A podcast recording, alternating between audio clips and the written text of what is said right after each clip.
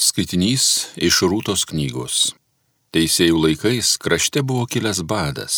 Tad vienas žmogus, Elimelechas su savo žmona Noeme ir dviem sūnumis, Machlonu ir Kilijonu, iškeliavo iš Judo Betlėjaus, kad kaip ateivis gyventų Moabo žalienuose. Noemis vyrui Elimelechui mirus, ši pasiliko su dviem sūnumis. Tie vedė Moabites, viena jų vadinosi Orpa, kita Rūta. Ir ten išgyveno apie dešimt metų. Mirė paskui ir Mahlonas ir Kiljonas, tad Noėmė liko viena, be savo vyro ir abiejų sūnų. Tad ji ėmė ruošti su savo marčiomis grįžti iš Moabo žalienų tėvynėn, nes buvo girdėjusi, kad viešpats aplankė savoją tautą, kad davęs jai duonos. Orpa atsibučiavo su savo anytą ir grįžo prie savo tautos. Tuo tarpu Rūta pasiliko pasuošvę. Noėmė jai tarė.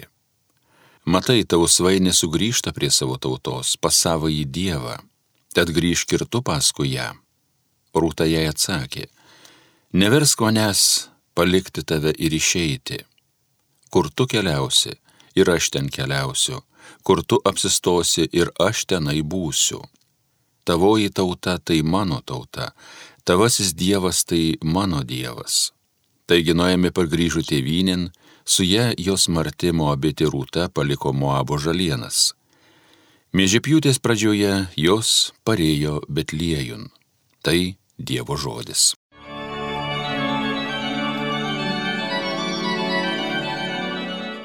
Mano siela viešpati garbink.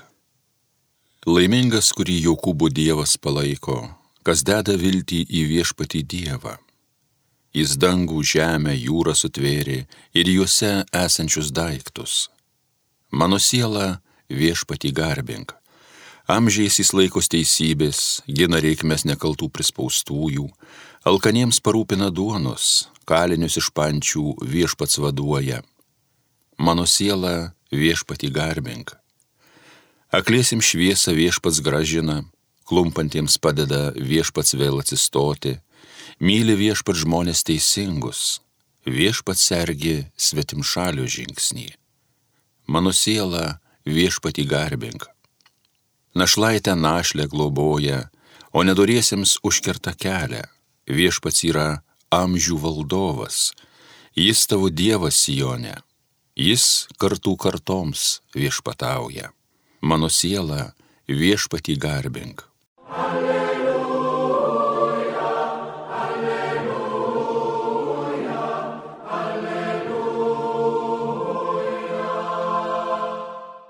Parodyk man viešpatį savo į kelią, vesk mane savo tiesa.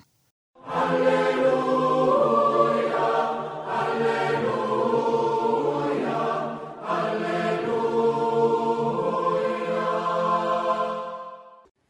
Viešpat su jumis Pasiklausykite Šventojios Evangelijos pagal Matą. Fariziejai išgirdę, kad Jėzus privertęs nutilti sadukėjus, susirinko draugien. Ir vienas iš jų įstatymo mokytojas, mėgindamas jį paklausė. Mokytojau, koks įsakymas yra didžiausias įstatyme? Jėzus jam atsakė. Mylėk viešpatį savo Dievą visą širdimi, visą sielą ir visų protu Tai didžiausias ir pirmasis įsakymas. Antrasis panašus į jį - mylėk savo artimą kaip save patį.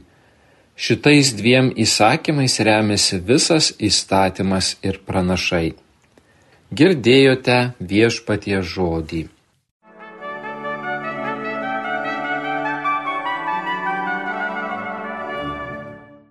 Mėly Marijos radio klausytojai, Šiandien reflektuojant ką tik girdėtus Evangelijos žodžius, noriu pakviesti pamastyti apie meilę Dievui ir žmogui kaip naujojo gyvenimo matmenis.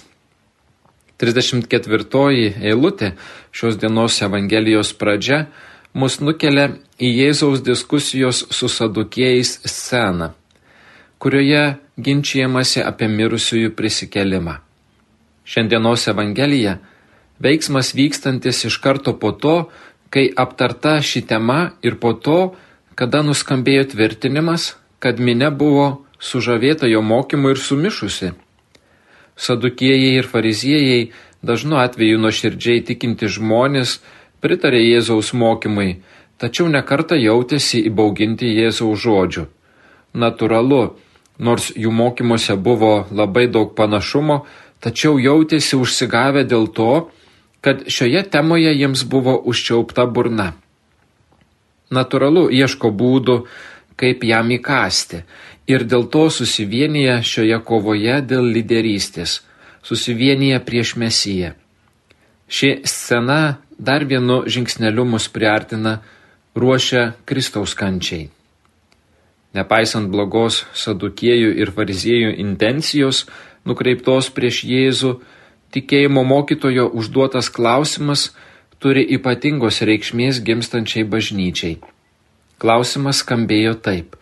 Mokytojau, koks įsakymas yra pats didžiausias?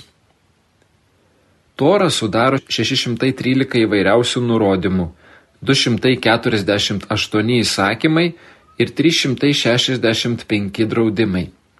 Kai kurie jų buvo svarbesni už kitus, turėjo tam tikrą hierarchinę sistemą, nors savaime Izraelitui buvo aišku, kad visų jų laikytis privalu.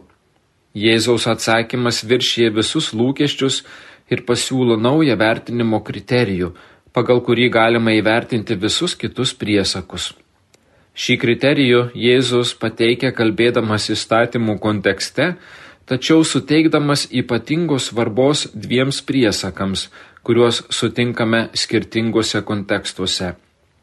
Jėzus sako, kad jie abu yra panašus. Iš čia kyla krikščionybės unikalumas. Įstatymas ir pranašai sujungiami, norint leisti pažinti tikrąją tiesą apie Dievą ir jo norą būti ir bendrauti su žmogumi. Žinoma, pabrėžiant, kad visi įstatymai pasiekia savo pilnatvę Dievo meilės įstatymę. Terminas mylėti, agape, kviečia link tikros ir autentiškos meilės, kuri Naujojo testamento kontekste savo kilmę atpažįsta šaltinyje - Dieve. Jis yra tobulos meilės šaltinis, modelis ir siekiamybė. Mylėti tokią meilę, kokia yra agapi, nesavanaudiškoji meilė nėra joks moralinis įsakas ir jį galima išpildyti tik remiantis gera žmogaus valia. Teologiniai meilės apmąstymai nuvedė prie tokios meilės neatsiejamumo nuo tikėjimo ir vilties. Gauname tris dorybės, be kurių neįsivaizduojamas tikinčio žmogaus gyvenimas ir kasdienybė - tikėjimas, viltis, meilė. Šventasis Tomas Akvinėtis sakė, kad teologinės dorybės savo objektu laiko patį Dievą, nes tik per jas konkretus subjektas, tai yra žmogus, yra teisingai orientuojamas arba kreipiamas tiesiausių kelių link Dievo.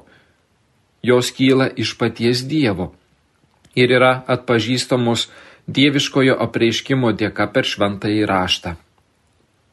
Meilė kyla iš malonės, iš vienybės su Dievu iš dalyvavimo dieviškajame gyvenime. Meilės veikimas gauna jėgos iš išmintingumo dovanos ir veda prie glaudesnio santykio su Dievu, bei sujungia mus toje šventoje bendrystėje, gimstančioje savaime per artėjimą prie Dievo meilės. Gimsta dalyvavimas trejybinėme Dievo veikime. Ir šis įsiliejimas į Dievo meilę nėra kažkoks spontaniškas veiksmas, kylantis atsitiktinai. Neįmanoma būtų mylėti Dievo, kuris atperka pasaulį, teikdamas jam dieviško šviesos, jeigu nepriimama mylinčio Dievo veikimo pasaulio atpirkimo istorijoje. Vadinasi, Dievo veikimo pažinimas, pateiktas šventajame rašte, yra kelias, kuris mums leidžia pažinti autentišką Dievą ir leidžia suvokti, kokia yra ta autentiškoji meilė, į kurią mes esame pašaukti. Galime autentiškai mylėti Dievą tik tada, kada jį suvokime kaip realiai buvusi, esanti ir būsinti pasaulio išganomajame veikime. Tik kaip ta, kuris dalyvauja ir mano asmeninės istorijos dėlionėse, mano tėvų, senelių, prosenelių, vaikų, anūkų ir vaikaičių dėlionėse pažinkime tą autentišką meilę ir būkime jos liudytojais. Amen. Garbė Jėzui Kristui.